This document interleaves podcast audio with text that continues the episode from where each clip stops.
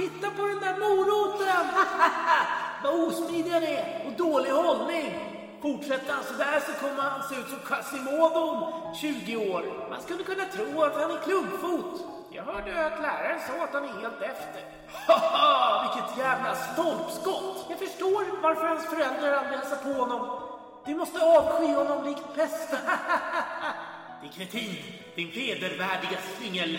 Du är så urbota korkad. Du kan ju ingenting. Du är nöjd? Åt vad då? Att du klarar ett prov? Du är väl medveten om att du endast hade sju personer efter dig? Du kommer aldrig att bli något politiker. Du! Fortsätt dagdrömma pojk.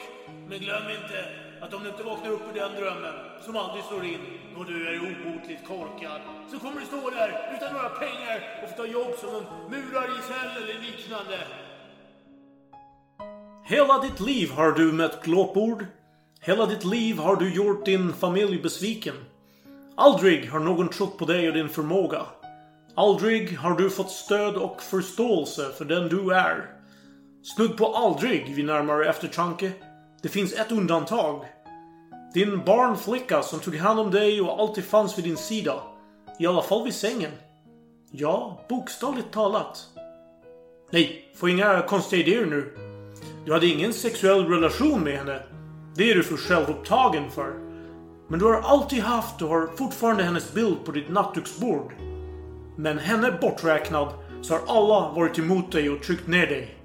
Eller försökt i alla fall. För ingen har någonsin lyckats att trycka ner dig. Varken skolkamrater, lärare, rektorer, föräldrar, officerare, indier, sudaneser, kubaner eller politiker. Du står nu bakom parlamentets yttre fasad. Du inväntar den stund då du ska göra entré i underhuset och mobilisera det engelska språket och expediera det i ett slag. Big Ben ljuder. Det är dags! Du går med bestämda steg. Du hör sorlet från hundratals adelsmän och folkvalda. En del korrupta.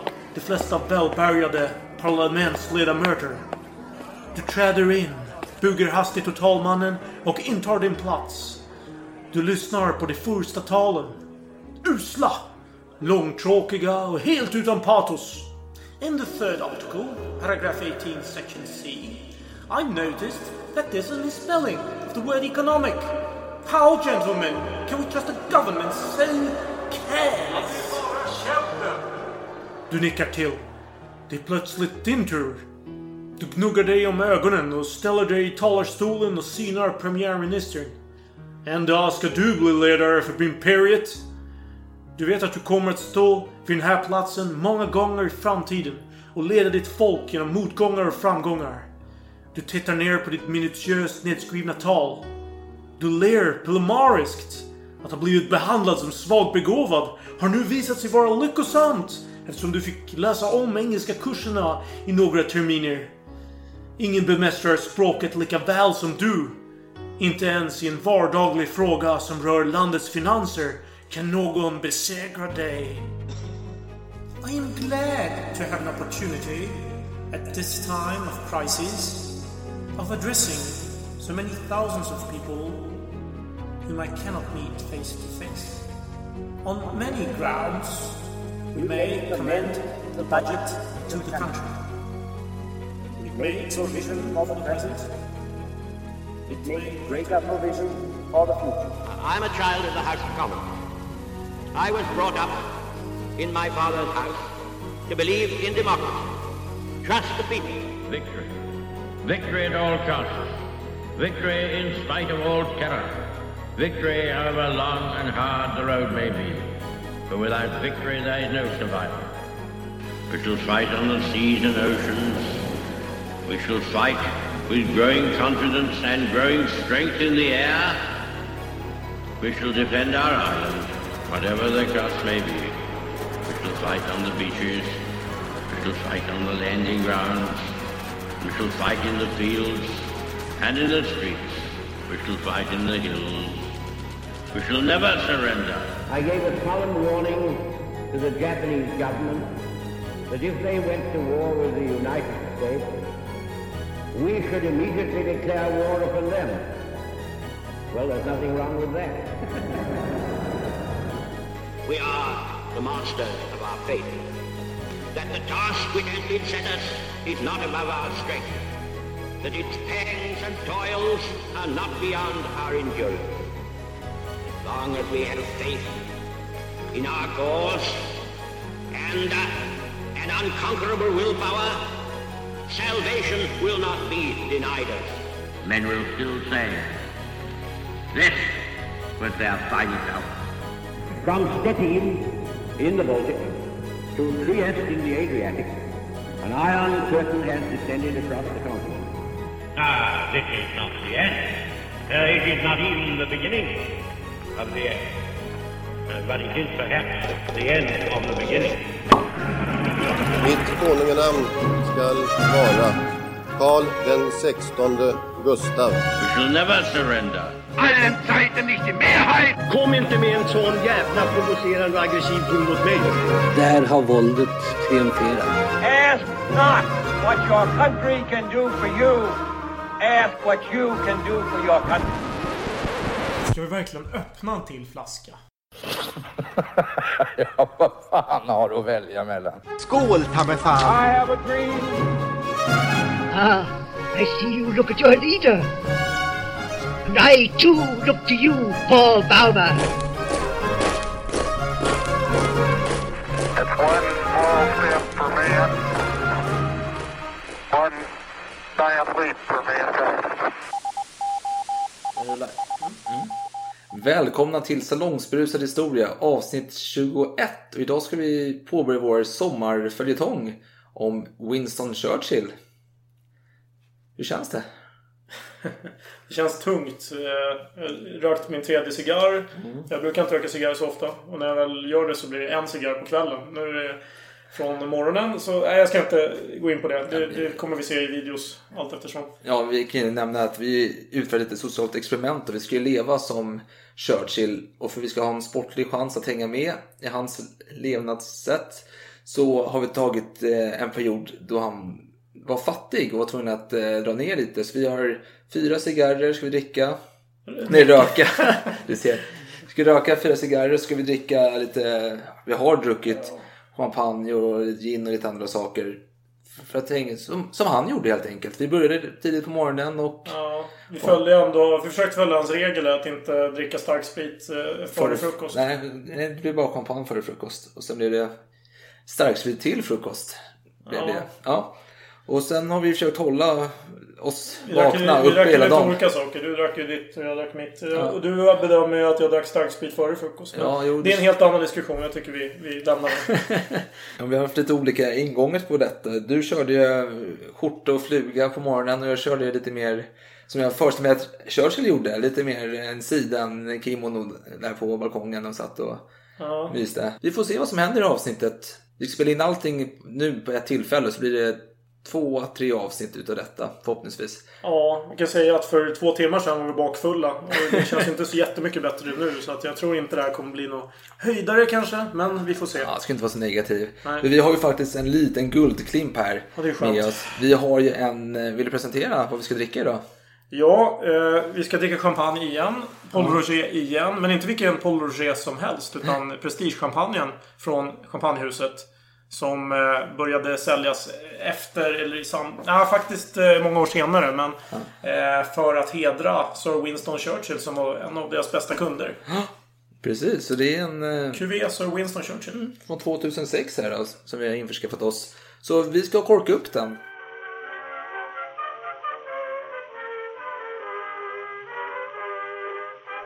Ska vi först och främst öppna lådan. Det här kommer ju vara trevligt lite ljud tror jag.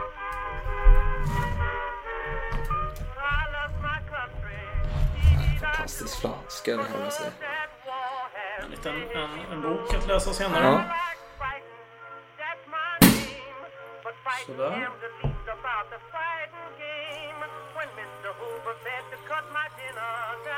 Man tackar, man tackar.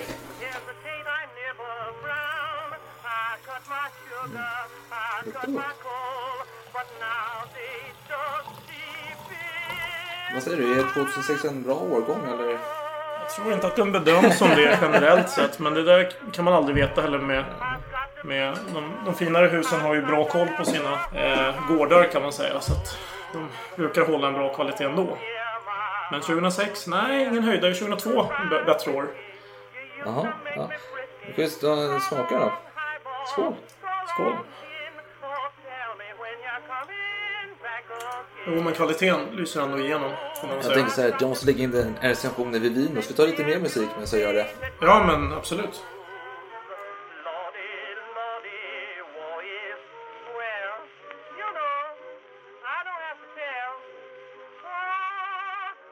Så, då har vi ju faktiskt gjort våra recensioner vid vin och här då. Så nu ska vi börja prata om avsnittet kan man tro. Men nej!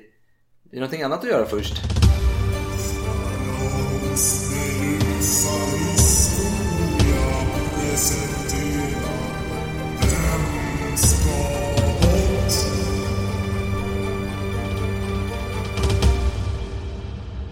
Och eh, ställningen som jag minns den är 15-10 till dig. Precis, och det är din tur att svara på mina frågor nu här. Så är du redo? Så redo man kan vara efter allt det här, den här långa dagen. Ja. Okej, först ut har vi Frans den första av Frankrike. Mm, ja, Sen tar vi Madame Pompadour. okej. Sen tar vi Edvard den sjunde. Oj. Och sen sist men inte minst har vi dagens huvudperson, Winston Churchill. Jesus, vilken svår. Ja, den är lite knepig den här. Men eh, François, Pommier, han var ju både 1500-talet, han hängde med Leonardo da Vinci bland annat. Ehm, och sen hade vi eh, Pompadour, eh, älskarinna då till eh, Ludvig XV. Mm. Och vad hade vi mer? Edvard den sjunde, sa du det? Ja. Är det den här brittiska eh, Ja, kungen som, ja. eh, som abdikerade? Eller är jag ute och cyklar? Nej, det är åttonde. Det är den åtta som abdikerar. Helvete också, det var inte lätt. Jag har ju en, en tanke jag har. Så Ja. jag, jag, jag säger då Edvard den åttonde ska bort. Okej. Men jag kan ha helt fel om det. Det är fel. Det är fel, fan. Ja, då blir ju min gissning fel. Så då, Ja. då tänker jag inte ens delge. nej, men du ska få veta vem som ska bort. Jaha, Och det, ja. det är Winston Churchill som ska bort. Mm. Min gissning ursprungligen var ju att att ehm, de hade gett namn till olika viner. För Ja. jag hade ju en ja. Frans den första vin här Ja, som ja. jag bjöd på en gång. Ja. Och, och Pompadour tror jag att jag har druckit och så, men det har varit väldigt låg kvalitet på den så jag tror inte den klassas som en okej. Och sen har vi Winston Churchill som jag har druckit här. Det var därför jag tänkte... Ja, det, det är bra, bra gissning och du är ganska nära med att säga faktiskt. Eh, Ja. Men du, du är på andra planhalvan utav svaret. Så du har ingen gissning? Nej, nu, nu har du ju säkert avslöjat svaret, men nej, jag får nog ge upp här. Du ger upp. jag- jag- jag- Du kammar hem noll poäng här då. trött. Eh, Rätt svar är då att alla fyra har inspirerat till diverse kläder eller eh, hårstilar och så vidare. Förutom Churchill. Han har gjort cigarr. Bra, eh, Churchill cigarr Mm, mm, mm. har han sitt namn. Men det är en eh, Ja, det är ju... en mat... eh, Precis. Eller Konsumtionsvara. konsumtionsvara. Och då kanske man frågar sig bara för att gå igenom alla eh, klädesaker och frisyrsaker. Mm. Vad har ju Madame Pompadour? Det är den här frisyren. Den här makalösa frisyren Ja, som är var, höga. ja, som var populär där ett tag på 1900-talet. På 1900-talet Ja, ja.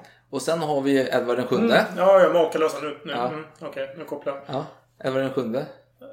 Det Var det inte Edward åtta nu? Vet du det? Nej, sjunde. Var det, jaha, jag hörde fel. Jag Nej. Skitsamma. Okej, Edward den sjuttonde. Nej, ingen aning. Sjunde.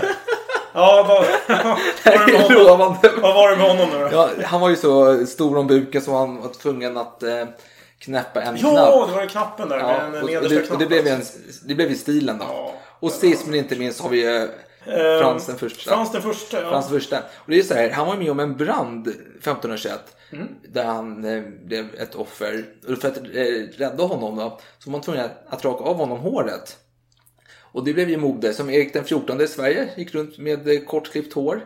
För att Mhm. ja, sympatisera med den franska monarken. Ja, just det. Och så var det Solkungen såklart med sina peruker för att han hade tappat allt hår och Ja. det blev i mode. Ja, Jo, men, härligt. Ja, så det var lite, lite långsökt kanske. Men... Ja, nej, men det, det uppskattas. Jag hade inte klarat någon enkel idag heller, tror jag.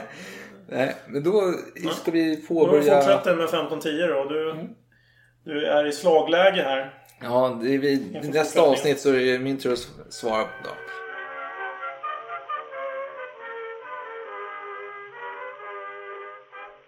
Vi ska ju börja vår historia om Winston Churchill då. Och eh, han föddes ju 1874. Men det är inte där vi ska börja vår historia tänkte jag. Jag tänkte vi hoppar tillbaka några år. Och, för han är skapt utav några. Inte bara Gud eller den här fågeln som kommer.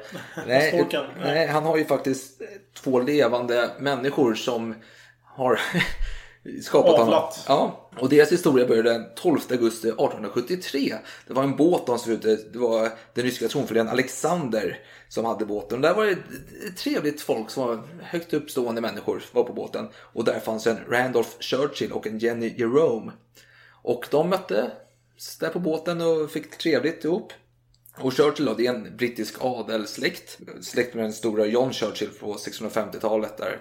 Som eh, hade framgångsrika Hertigen av Marlborough. Precis.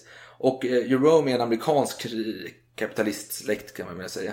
Men nu träffades alltså Randolph och Jenny och eh, de skulle gifta sig. Och de började vigas den 15 april 1875 i Paris. Och det här giftermålet var ju väldigt populärt hos familjen Churchill. Eller inte. Nej, de är en adelssläkt. Brittisk adelssläkt. Mm. Att gifta ner sig med en... Hon är eh, amerikansk. ja, hon är skådis eller någonting. Ja, det, det går... Det, det är inte bra. Alltså man kan inte gifta ner sig så här. Alltså, de här amerikanerna, de är rika, men de är inte någon fin släkt. Nej. Nej, det förstår man ju. Så de eh, närvarade inte. Men i alla fall, som vanligt när man gifter sig på den tiden, behöver man ha en hemgift. Och eh, de här rika amerikanerna i Rome, de eh, gav 50 000 pund i engångssumma. Och sen fick de också 2000 pund per år. Och Churchill då, de, de var lite motstridiga till detta, men de gav ändå en årlig inkomst på 1100 pund då, för att deras son hade gift sig.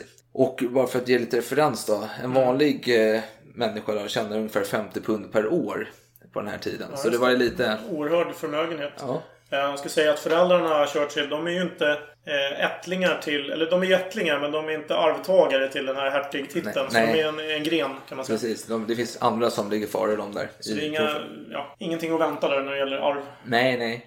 Men sen då, 30 november 1874, då föds då Winston Leonard Spencer Churchill i palatset Blenheim utanför Oxford. Och då kanske du är snabb på matematik och tänker, vänta, de gifte sig i april, 30 november, det är inte riktigt nio månader. Och det, det, det, Skandal. Ja, det är rykten börjar sprida sig här. Bara, "Psst, hörde ni? de har haft nog, ni vet vad, innan. Ja, men man måste vara snabb. Anfall är bästa försvar, säger vissa. Så krishantering för Randolph och eh, Jenny Jerome på den här tiden då, var att de skrev ett brev till sin mamma. Randolph skrev det till sin mamma, Churchill. Där han förklarade hela situationen. Så här skrev han då. Hon snavade och föll omkull i tisdags när hon var ute med jaktsällskapet och en något obetänksam och skakig åktur i en ponnyvagn ledde till att verkarna började i lördags kväll. Vi försökte hejda dem, men det gick inte. Det blev en för tidig födsel. Ja, alltså vad kan man säga mot det? Nej, barnet skulle säkert födas tre månader senare eller något. Men nu blev det så. Nu blev det så. Ja. Ja, och då kan man tänka sig Winstons barndom. Jag kommer kalla honom för Winston här för det, Jag finns, en, det. det finns en pappa Randolph Ja, Churchill. Churchill. Plus att Churchill är lite jobbigt att Ja, upprepa. så Winston får det bli då. Och han hade enligt sig själv en problematisk barndom och jag är beredd att hålla med. Och precis som många andra utav adlig börd så fick han eh, en sköterska att ta hand om honom direkt efter födseln. Mm, Mrs Everest. Det var inte Everest som var sköterskan men Mm. eh, när han var två månader gammal fick han en barnskötare vid namn Elizabeth Everest som var 40 år plus på den tiden. Då. Och eh, hon kom att betyda mycket, mycket för Winston. Och det var så att eh, han skrev senare min barnsköterska var min förtrogna. Det var Mr Everest som skötte om mig och gav mig allt jag behövde. Det var för henne jag utgött mina bekymmer, både nu och under min skoltid. Och det, hon var ju så populär så att Churchill, Winston hade alltid en bild av henne vid sitt nattduksbord, även i vuxen ålder. Just det. Så det var ju det är lite fint tycker jag. Ja, vad var det? Hade han inte med henne till skolan någon gång och hade armkrok och pussade på kinden och allt möjligt? Det var Ja. väldigt gemytligt. Ja, verkligen. Det är en trevlig relation där. Men ganska snart, eh, alltså, de fick ju flytta från London till Dublin på grund av en liten skandal. Det är en ganska intressant skandal om jag får säga det själv. Det var så här att Randolphs bror hade haft en affär med grevinnan av Aylesford och eh, hon ville gå offentligt med det hela. Så eh, hennes man då, eh, Lord Aylesford, han blev arg och tänkte skiljas och ta barnen.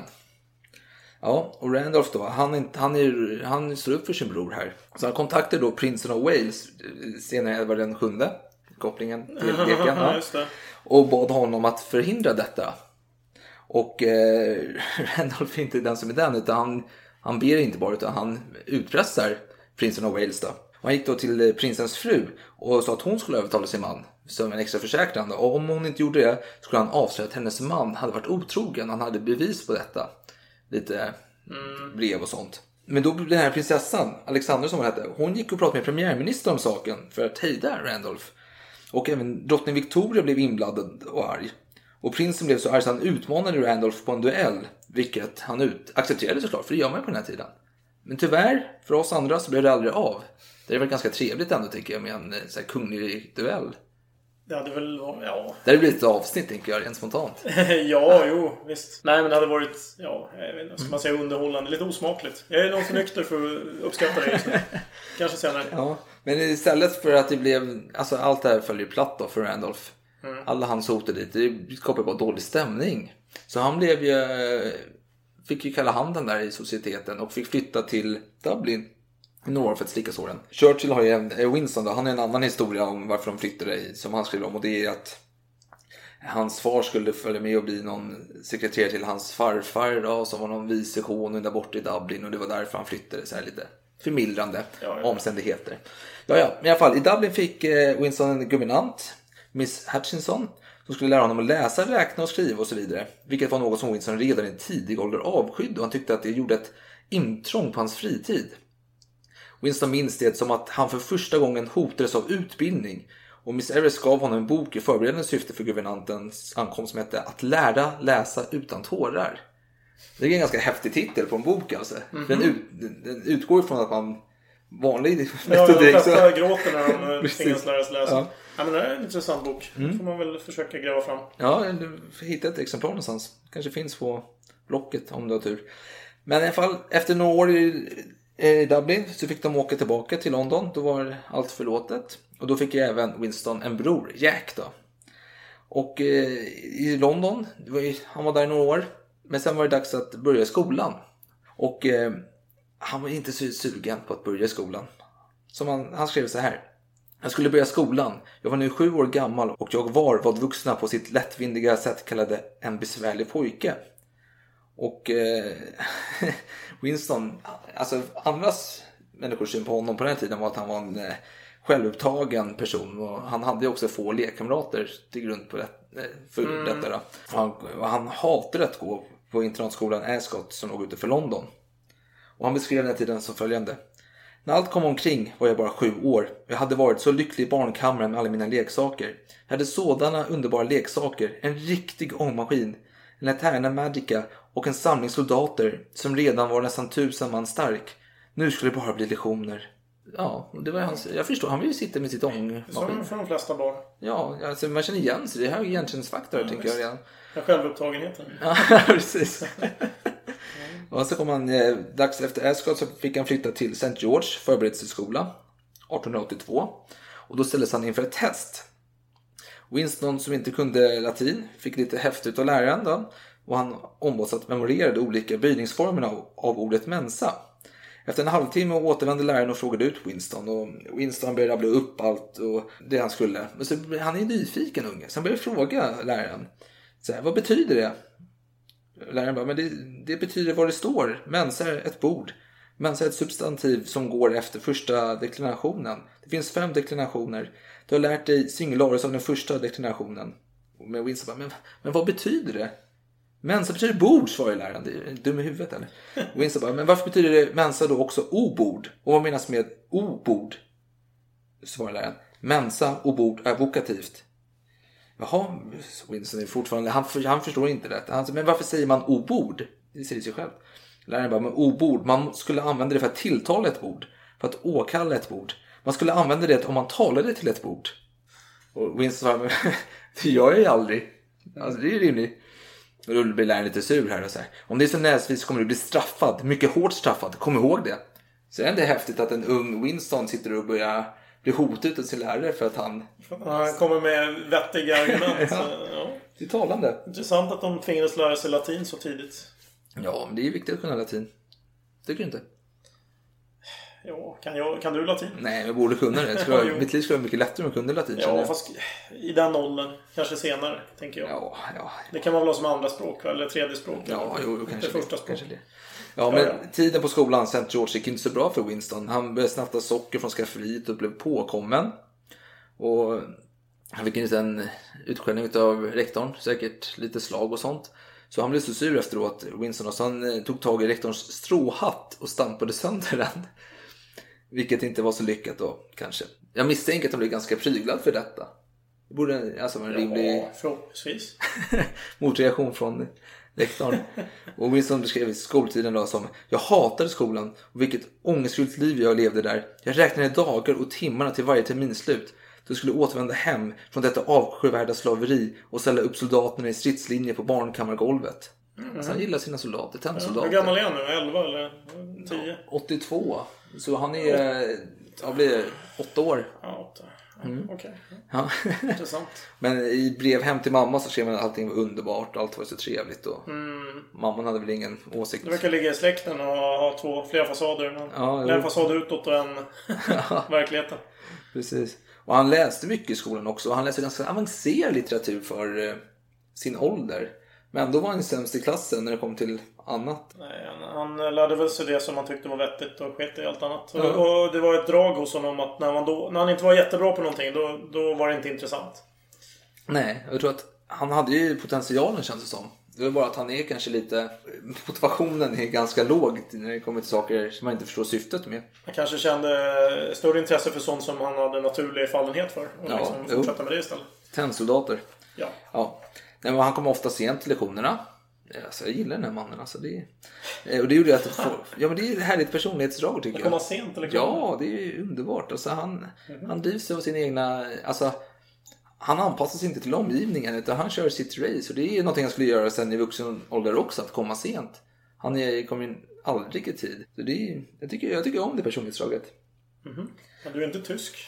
Tysken? Ja, och han, blev, alltså, han var en väldigt klen pojke också. Han var väldigt sjuk ofta. Så de läkarna sa att han behöver lite frisk luft. Så de tänkte, ja, men då byter vi skola till någon som ligger nära kusten istället. Då, och då fick han eh, hamna på en skola som låg eh, i Brighton i södra England. Och den skolan styrdes av två ogifta damer. Eh, som var lite trevligare och lite mjukare än de på St. George. Då. Så han, tyckte, så han tyckte om den skolan. Han skrev så här. I den skolan fick jag lära mig saker som intresserar mig. Franska, historia, massor av poesi och framförallt ridning och simning. Mina intryck från dessa år framstår som en behaglig minnesbild. Vilken skarpa kontraster mot hågkomsterna från mina tidiga skoldagar. Mm. Och nu fick han även vänner också. Mm. Det var trevligt. Och hans intressen, frimärkssamling, Mm. bygga katapulter. Som han sköt med, alltså han laddade dem med äpplen och sköt på kossorna där på landsbygden. Och, Mhm, mhm. Så han har ju fallenhet för det här. Ja. Spännande att han gillade läsa franska när han hatade latin. Men det kanske var efter den här mensa Precis, ja. ja. Och sen terminsslutet fick han återvända hem till sina älskade föräldrar. Men det var ganska ensidigt. Det var ensidig förälskelse. ja. ja, för hans mamma skrev till sin syster så här. Jag kan inte få bukt med honom utan Everest medverkan och jag är rädd för att inte ens hon klarar av honom. Och eh, hans mormor då skrev till eh, hans mamma. Winston reser tillbaka till skolan idag. Entre nous gör mig inte särskilt ledsen. För han är verkligen precis så mycket som han orkar med. Och entre nous är då Mellan oss. mellan oss. Alltså oss emellan. Så. Ja, precis. Och han fick ju aldrig besök utav sina föräldrar när han var i skolan heller. Nej, trots att de var bodde relativt nära. Ja, det var ju någon timme bort eller något sånt där. Så det var ju lite sorgligt på ett sätt. Ja. Men vanligt säkert. Ja, jodå. Och I ett, alla fall om man tänker bakåt i tiden. jodå. Och ett brev till sin far skrev då den tioårige Winston. Jag förstår inte varför du inte hälsade på mig när jag, du var i Brighton. Men jag förmodar att du var alltför upptagen. Så det här är ganska illa ändå. Jo, du är borta och din far är i staden. Du vet att han är där. Och du väntar på att han ska komma och besöka. Så, nej. Men så ursäktar han honom. Ja. Och så också så här typiskt för Winston. Han ursäktar sin far hela tiden. Men jag förmodar att du var alltför upptagen. Det känns- låter ju som en pik att skriva så. Men ja, visst. Ja, jag tycker han skyddar. Och eh, morsan var inte bättre hon. Hon varken besökte eller skickade speciellt mycket brev. Han fick ett brev på hela terminen. då han låg dödssjuk i lunginflammation. Och tänk dig här, du har en son som är dödssjuk. Du får ett brev. Du kommer inte besöka får ett brev. Ja. Nej, det är lite illa faktiskt. Och sen då, vi hoppar snabbt fram i historien. 1888, vid 13 års ålder, var det dags för nästa kliv i systemet. Då. Pappa Randolph ville skicka över honom till Harrow, en public school i likhet med Eton och uh, Rugby och de där. Där överklassen skickar sina barn. Det var standard. Eton var ju annars den klassiska Churchill-skolan. Med den officiella förklaringen att Winston hade problem med sina luftvägar så ansåg man att Harrow var bättre för honom rent. Så, alltså, Men, men sanningen är väl att det var en, en lite hårdare, för hård skola för honom. Han skulle inte klara av. Ja, enligt eh, historikern Bengt Liljegren som skrivit böcker om eh, Churchill, där vi har tagit mycket av vårt material ifrån också. Eh, så var det egentligen för att Randolph hade låga förväntningar på Winston som inte skämma ut sitt släktnamn. Ah, just det, för ryktena går kanske på Eton. Ja, ja, det ja, det är härligt med föräldrar som tror på sina barn. Och vid inträdesprovet då blev han prövad i matematik och latin, vilket han själv tyckte var väldigt konstigt. Man aldrig frågade vad han kunde istället för vad han inte kunde. Det är en ganska rimlig eh, åsikt tänker jag. Alltså han, han går emot systemet där. Han ifrågasätter ju. Ja, passar inte in i den tidens skolsystem. Nej, nej, förvisso inte. Och han beskriver, han fick ett inträdesprov då. Han beskriver det som följande. Jag skrev mitt namn överst på sidan. Jag skrev ner nummer ett på frågan 1. Efter långa funderingar satte jag parentes om det, alltså ettan. Men sedan kunde jag inte komma på att tänka någonting som hade med ämnet att göra, som var relevant eller sant. Av en slump damp en bläckplump och några smutsfläckar ner från ingenstans. Jag stirrade två hela timmar på denna sorgliga syn och sedan samlades två barmhärtiga ordningsmän upp mina pappersark tillsammans med alla andra och bar fram till rektorns bord. Han kom in. Korruption, härligt. Ja. Ja, det gäller att känna rätt personer, helt enkelt.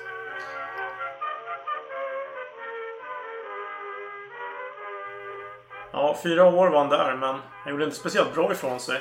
En lärare sa bland annat med sina förmågor borde han kunna topprestera, men han befinner sig likväl i bottenskiktet. Han kom att få gå om flera av klasserna och fick därigenom studera engelsk grammatik tre gånger om. Och fick lära sig skriva och hantera det engelska språket. Men eh, något mer han gjorde bra var att memorera saker. Han lyckades memorera 1200 versrader felfritt från diktsviten om romarriket Lays of Ancient Rome. Och jag, Lays of Ancient Rome, jag känner igen den här titeln. Är inte det från Fersen-avsnittet? Det var inte Fersen som läste här om romarrikets uppgång och fall. Men det kanske inte är samma... Det var Foch som läste. Var det Foch som gjorde det? Ja, ja. Nej, den där, de är ungefär samma generation då. Okej. Men trots det här då, så var lärarna som sagt bekymrade över Winston. Och i ett brev till hans mamma Jenny så skrev de så här då, ordagrant. Bästa Lady Randolph Churchill. Efter en hel del tvekan och diskussion med hans klassföreståndare har jag beslutat att låta Winston få sitt lov. Men jag måste tillstå att han inte har förtjänat det. Jag tror inte, och gör det inte, och det gör inte heller Mr Somerville, att han på något sätt är uppsåtligt besvärlig. Men hans glömska, vårdslöshet, bristande punktlighet och slarv på alla sätt har verkligen varit så betänkliga att jag skriver för att be er att, när han är hemma, tala mycket allvarligt med honom om saken. Vad gäller begåvning borde han vara bäst i sin klass. Men istället är han den sämste. Likväl tror jag inte att han är lat. Men hans energi kommer bara stötvis. Och när han väl tar itu med sina uppgifter är det vanligen för sent för att han ska kunna utföra dem väl. På många sätt är han en ovanlig pojke och det skulle vara stor skada om en sådan begåvning förspilldes genom vanemässig försummelse. Jag bör inte sluta utan att säga att jag är mycket nöjd med hans sätt att lösa en del uppgifter i historia. Det här blev tyvärr ett mycket långt brev. Men mitt intresse för pojken får vara min ursäkt. Det är ändå ganska fint det här brevet. Alltså det är ändå en sån här klassförståndare och sån här lirare som sitter och bryr sig om Ta sitt honom. jobb på allvar. Ja, verkligen. Han är en eldsjäl här. Mm. Kanske sån här svenska hjältegalan fast, han fast Ja, engelska. då. Egentligen gör han bara sitt jobb, men, men vi hyllar honom för att det är få som gör sitt jobb idag. Kan man väl säga. Precis. Nu ska jag inte peka fingrar. Men det är som du säkert, som alla misstänker, så är det hierarki på skolorna. Alltså det, det, alla, du vet hur det är på så här in, internat. Alltså det är, Nej, jag vet inte så mycket. Men... Nej, men det är hårda bud. Det är hårda bud i alla fall. Och som ung skulle man ju passa upp på de äldre eleverna. Som att till exempel putsa deras skor och så vidare. Vilket Winston avskydde eller protesterade att göra. Vilket gjorde att han inte blev speciellt omtyckt då. Och framförallt då han själv uppskattade att andra gjorde det åt honom. Det- var helt okej tyckte han. Och han hade egentligen bara en vän på den här skolan då. Och eh, han utvecklade då ett intresse för hästpolo och fäktning. I fäktning vann han faktiskt eh, skolmästerskapet.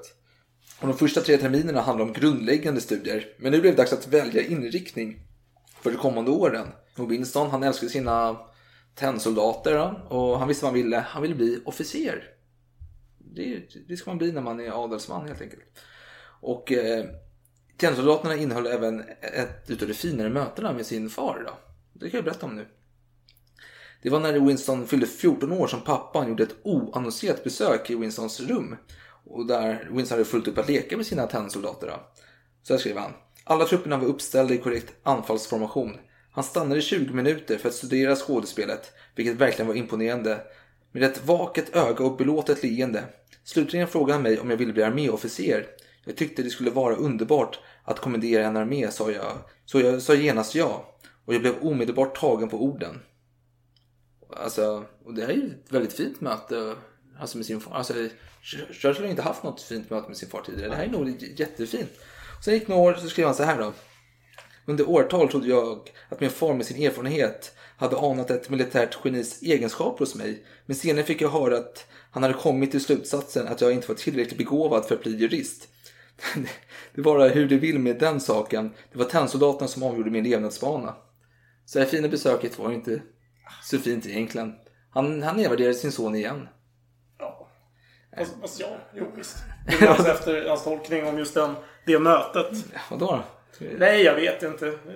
Ja, Nej, jag, nej, Men, jag han, vet inte. men han gick in där i rummet bara, och där är min son, oj han har tagit tusentals tennsoldater, formerat upp dem efter historiska slag. Mm. Fan vad korkad han är, han kan inte bli jurist. Ja, det var kanske så precis så han tänkte. Ja. Och då var det tanken att eh, Winston skulle in på Sandhurst, alltså en skola då, efter han gjort klart sina tre år på Harrow. Ja, och han, skulle, han gick ju kvar några år då på Harrow innan han skulle in på Sandhurst som var skolan där militärer gick, eh, gick på. Då. Men har vi något mer att säga om Harrow-tiden? Ja. Det gick fortsatt dåligt. Fadern skrev till sin mor. Jag hyser inga höga tankar om Winston. Han kan inte göra anspråk på att ha någon nämnvärd begåvning eller några nämnvärda kunskaper eller någon förmåga till regelbundet arbete. Han har stor fallenhet för att briljera, överdriva och låtsas. Där står ju lite kontrast till det tidigare brevet från läraren. Ja. Där de faktiskt lyfter fram eh, en viss begåvning i historia. Men han är bara Så vi sågad. ser, vilken, eh, vilken far alltså. Snacka om årets pappa. Nominering går till honom. Han är tuff. Ja, han är tuff. Tough love. Det behöver lite mer dricka ser jag. Det, det är tomt i ett glas. Jag vet inte om jag behöver Jo, egentligen, det men behöver det är gott. Säg inte nej. Tack så mycket. Nej, lite mer.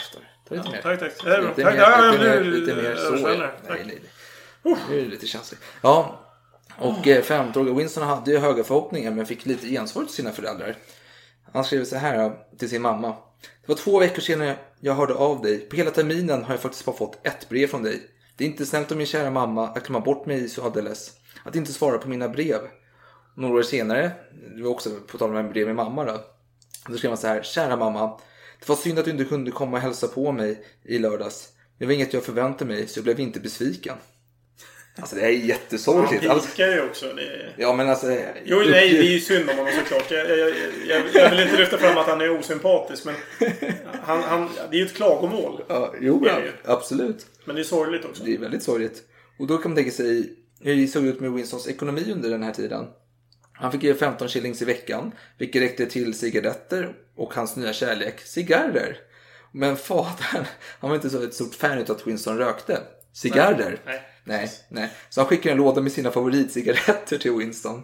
Och Winston lovade sin älskade far att han skulle skära ner på cigarrpuffandet. Och en eller två per dag tyckte Winston var rimligt och champagne drack han även på den här tiden flitigt.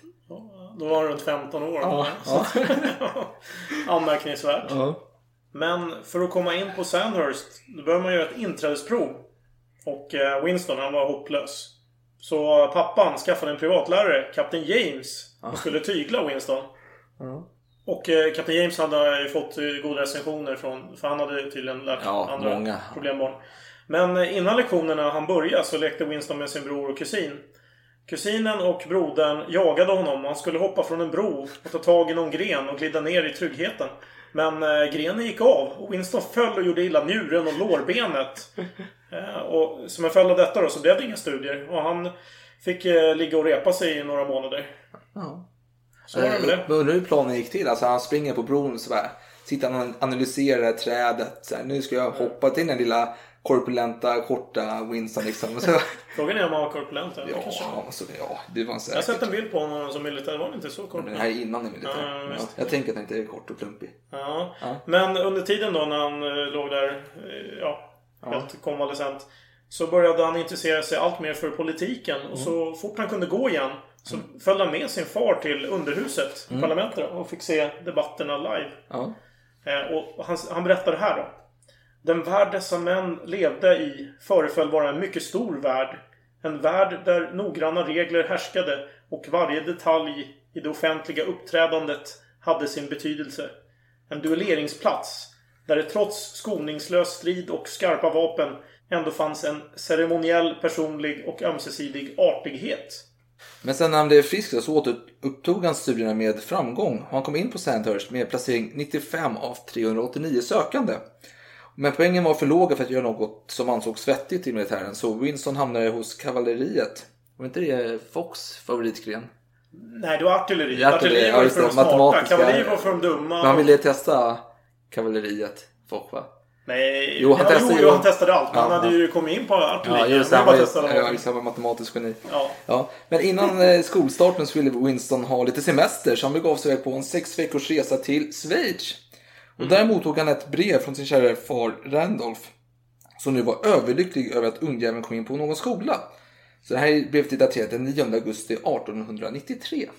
Nu tänker jag, eh, om man har en röst på detta, kanske återanvänder Fersens pappas röst där. Jag tycker det passar utmärkt. Käre Winston.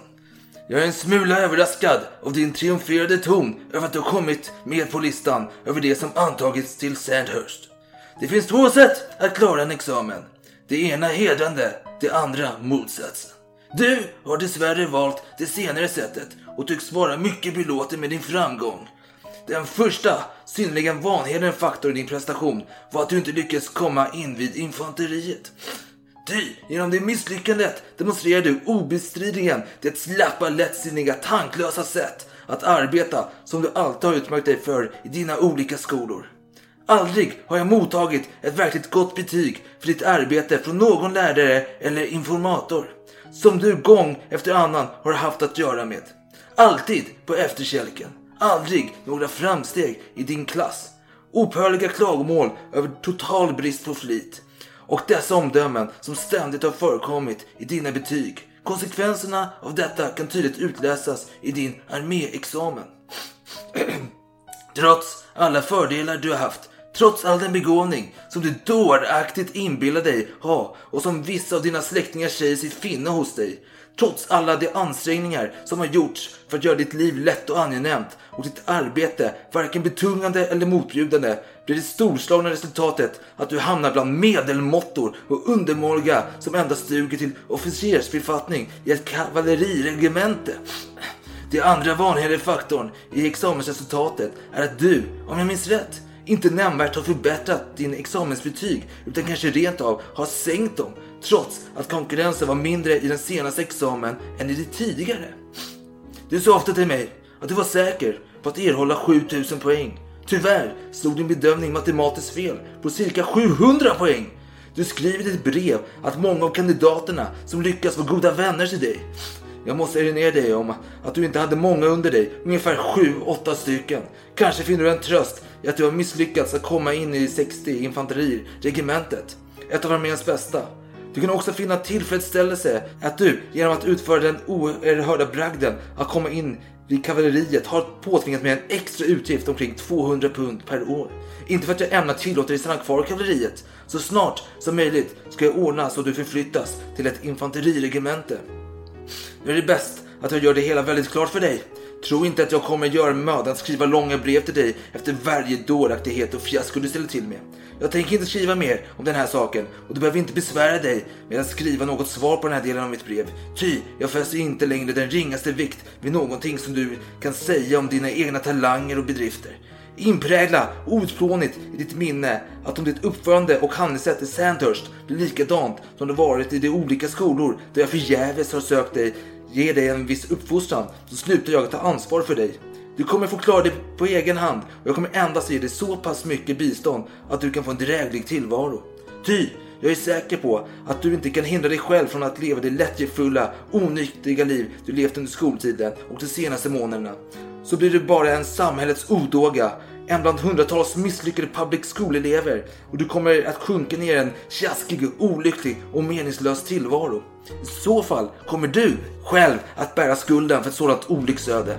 Ditt eget samvete sätter dig i stånd att minnas och räkna upp alla de ansträngningar som har gjorts för att ge dig de bästa möjligheterna som du berättigades till av din ställning och hur praktiskt taget har försummat dem alla.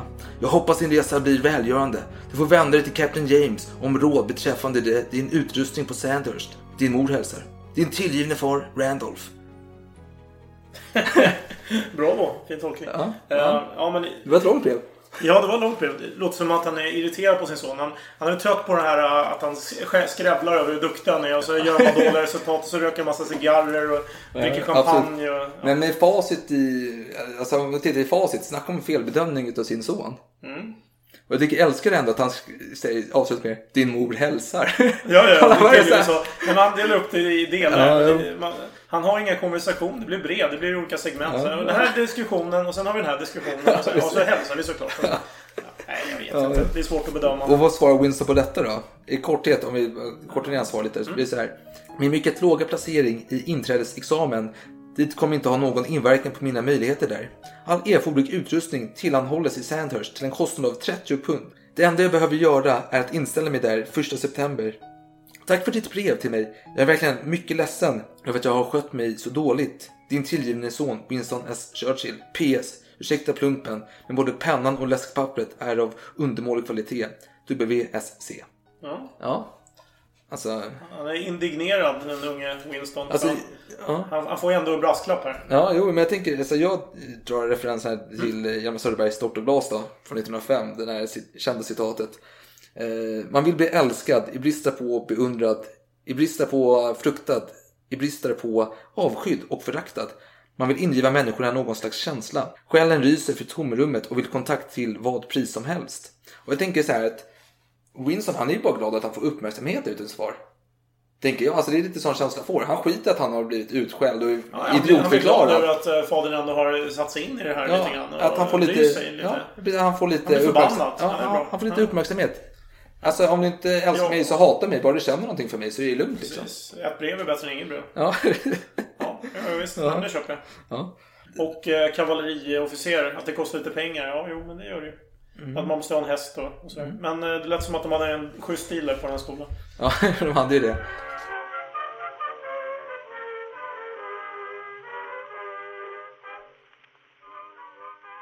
Ja, och rent ekonomiskt då var det inte så muntert hemma hos eh, familjen Churchill. Mm. De hade stora utgifter och få inkomster. Vilket gjorde att de fick lämna sitt boende. Pojkarna fick bo hos eh, sin farmor ett tag. Och pappan Randolph tog en tripp till Sydafrika för att skaffa sig lite fördelaktiga lån. Han, han fick ju inga lån i London eller England längre. Alla visste att han... Ja. Ja. han hade inte så mycket att komma med liksom. Så han fick ge sig Nej, Jag utomlands. kommer att tänka på någon annan. Är det Skytte?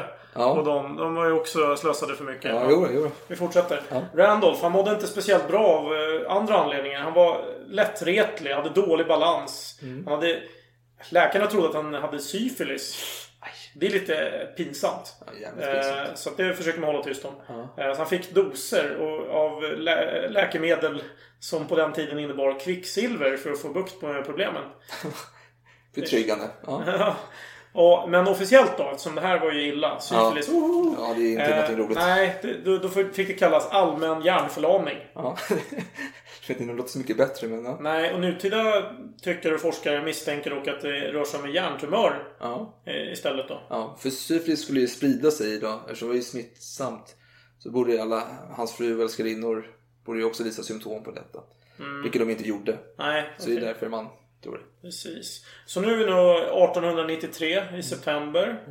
Och eh, det är dags för Sandhurst. Eh, på grund av en dålig uppslutning vid eh, starten av skolan så fanns det platser över i infanteriet. Ja, men vänta nu. Pappan skrev sitt brev innan. Ja. Jag ska se till att jag hamnar på ett infanteriregemente. Ah. Helt plötsligt dyker inte ett 20-tal barn upp till skolstarten. Oj. Jag misstänker att pappa Randolph har eh, kört lite Det, maffiametoder det är här klart han liksom. gjorde Och det. Det är bra liksom. är eh, klarsynt där. Ja. Det är ju förmodligen så det gick till. Han gjorde i alla fall bra ifrån sig i infanteriet. Men han var klumpig. Och det, när det kom till exercisdelen då hamnade han i en grupp för dem med särskilda behov eh, vid träning då. Så de fick träna extra mycket. Winston eh, tyckte att eh, vissa situationer var väldigt eh, tillfredsställande. Och det var ju att gräva skyddsvärn och bröstvärn och så vidare. Det var ju praktiskt. Han kände Ja, att han verkligen ja. gjorde någon nytta. Och det var någonting han klarade av också. Ja, det är väl inte så svårt att gräva tänker jag. Eh, han, svarade, han skrev så här. Det var bara så synd att allt sammans måste vara på låtsas. Och tiden för krig mellan civiliserade stater var slut. Och det för alltid. Om det bara hade varit hundra år tidigare. Hur härligt hade det inte varit? Tänk att vara 19 år 1793 med mer än 20 års krig mot Napoleon framför sig. Alltså han är som Gustav IV här alltså. Ja. Samma drivkraft alltså. Precis. Och, men för, som tur var inte samma levnadsöde. Ja men det är intressant ändå att eh, han har... Han, alltså Winston brukar vara ganska klarsynt när han diskuterar saker. Men här så säger han att alla mer ska bli krig mellan civilisationer. Eller ja, civiliserade civilisationer. Och det snackar man att ha fel för det kommer mest... Jag, jag är lite förvånad för jag menar, boer, första boerkriget var ju ändå för 13 år sedan någonting. Så det var ju inte extremt lång tid sedan. Nej men det, var ju, alltså, det är inte på hemmaplan här. Han, Nej, han, han, han var i krig på Europas Ja, slagfält. Inte, i någon, inte kolonierna någonstans liksom. Utan han ville ju vara på hemmaplan och kriga. Precis som Viart hade samma syn. Men skillnaden är att för Churchill här, det blev ju ett jäkla massa krigande. Mm. Det blev jävligt våldsamt 1912. Så han hade ju jäkligt fel där, helt enkelt. Ja, det blir en senare del men Ja, så ja det, det. precis. Okej. Eh, tiden på Sandhurst, när han trivdes väldigt bra, gav även tillfälle för reflektion kring hans tidigare erfarenheter av skolor. Mm. Han sa så här. Eller han skrev så här. Min vistelse vid Kungliga krigsskolan var en övergångsperiod i mitt liv. Den utgjorde slutet på nära 12 års skolgång. 36 terminer med många veckor i varje avbrutna av allt för korta lov. Under hela denna tid hade jag endast haft få framgångar att glädja mig åt och hade knappast blivit ombedd att lära mig någonting som föreföll vara till minsta nytta eller av minsta intresse eller fått leka någon rolig lek. När jag blickar tillbaka utgör dessa år inte bara den minst angenäma utan den enda ödsliga och olyckliga perioden i mitt liv. Jag var lycklig som barn med mina leksaker i barnkammaren. Jag har varit lyckligare sedan jag blev vuxen. Men skoltidens mellanspel är som en mörk grå fläck på kartan över min färd. Det var en oändlig rad av bekymmer som nog inte föreföll obetydliga och av slit och släp som inte gjordes muntrare genom någon känsla av framgång. En tid av vantrivsel, tvång och ändamålös enformighet. Ja, wow. Han tyckte i efterhand att han hade hellre velat göra någonting mer jordnära som att vara murargesäll eller någonting ja, liknande. Erfarenheter från verkligheten. Alltså, jag känner igen mig mycket. Alltså, jag som själv hatade skolan och var skoltrött ofta. Jag, jag, jag, jag känner mig, alltså jag känner mig connectad här jag och Winston. Mm. Alltså vi är lika på så sätt. Men en liten historia från tiden på Sandhurst kanske man kan klämma in här. Det var så att Winston hade ett fickur gjort av utav guld som han hade tappat och lämnat in på lagning. 14 dagar efter att han fått tillbaka det lagade uret tappade han i ett vattendrag på regementsområdet. Winston dök i för att leta reda på detta ur utan resultat.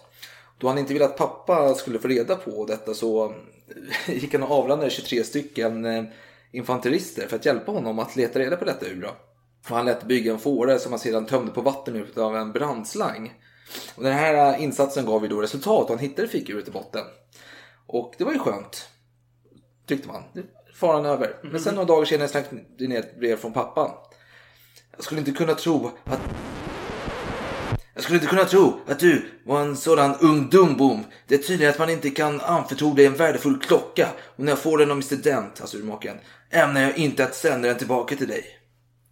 Så ja, inget undgår pappa Randolph helt, alltså, helt enkelt. Ganska elakt ändå. Han gjorde ju verkligen allt han kunde Ja. för att få tillbaka den. Istället för att lyfta liksom, wow vilken son jag har som är så här driftig och lyckas Alltså en sak man hade skitit i den. Precis, kunde ju åtminstone låta honom behålla klockan. Ja, eller precis, någon, han kan ju ja. klaga kanske, men nej, det var lite taskigt. Lite taskigt. Och Winston han vill ju verkligen ha närhet utav sin pappa. Det är ett alltså, återkommande behov han har som yttrar sig också i hans texter. Sen skrev han. Om jag någonsin började visa minsta tecken på kamratlighet blev han genast stött. Och när jag en gång föreslog att jag skulle kunna hjälpa hans privatsekreterare med att skriva några av hans brev bemötte han mig med iskyla. Jag vet nu att detta endast skulle ha varit en övergående stadium. Hade han levt fyra eller fem år till skulle han inte ha klarat sig utan mig. Det här är också hoppet i sista där som överger honom. Han, in, alltså han vill tro att han skulle få, kunna få en nära relation med sin far. Vilket han uppenbarligen aldrig får. För hans far är ju iskall person. Mm. Nej. Han hade sina problem. Ja. Och sen är det så här att föräldrarna skulle ju iväg på en jorden runt-resa. Och nu fick ju Winston besked att hans far var döende. Och eh, den här resan var lite speciell för de, Randolph han blev ju sjukare och sjuk under resan. Och de försökte ju att han skulle åka hem till England men han vägrade, han skulle åka runt då. Så man fraktade med sig en kista i, i bagaget ifall han skulle dö utomlands. Då. Ja, ja, precis. Men eh, de kommer hem vid julen 1894 och den eh, januari, den eh, 24 1895 trillade Randolph till slut av pinn då, 45 år gammal. Kvar lämnade han lite skulder som kom att avskrivas då. Eh, Men även mindre förmögenhet på 75-76 000 pund. Och änkan Jenny, eh, Winstons mamma, hon lyckades spendera halva arvet på en ganska kort tid. Så Winston och Jack då blir väldigt eh, oroliga här över att hon skulle spendera allting allt för snabbt. Men de lyckades hejda henne då. Mm. Hon hade ju affärer och allt möjligt. Ja. Precis. Kosta, kostsamt liv kanske. Ja, verkligen. De hade ju stora fester tydligen i sitt hus. De hade liveband som spelade till fem på morgonen och gratis sprit och alltså. Angående den här kistan som skickades med Ja. på jorden runt-resan. Jag kommer att tänka på Elisabeth. Eh, när hon var på turné Mm. i, eh, för vad heter det? George the Sixth blir det väl? Ja, vad heter Eh, s- vad heter det? När han var sjuk. Ja. Då vet hade hon med sig en, eh, någon slags begravningsdräkt, någon slags sorgedräkt. Ja, måste- Hade hon med i en av resväskorna hela tiden. Men det var inte något hon kanske visste om. Men Nej, nej. det visste ju personalen om. Man måste vara förberedd. Liknande sätt, ja. ja. jag ser det. Men nu efter pappans död kom han närmare sin mor också. De fick en liten närmare kontakt då. Så om det föll för. Och Det var ju trevligt. Men även om man kanske helst hade velat ha en stark relation med sin far. Då. Men, ja. Men detta innebar då att Winston inte kunde leva på den lön han fick som officers, officerskadett. Han behövde ett extrajobb.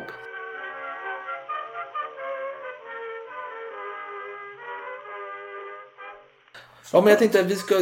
Det kanske blir, jag vet inte, 45-50 minuter detta. Men jag tänkte få avsluta här för Mm. del 1. Och så återkommer vi nu när Winston är lite mer vuxen. Jag har ju bara börjat. Det Ja, här det, är bara en det liten var hans barndom. Lite- Så vi hörs. Vi ska bara ta en liten kort paus och vi, vi fortsätter ju snart. Men ni kommer få höra fortsättningen om två veckor. Så skål! tills dess. Tills dess. Skål!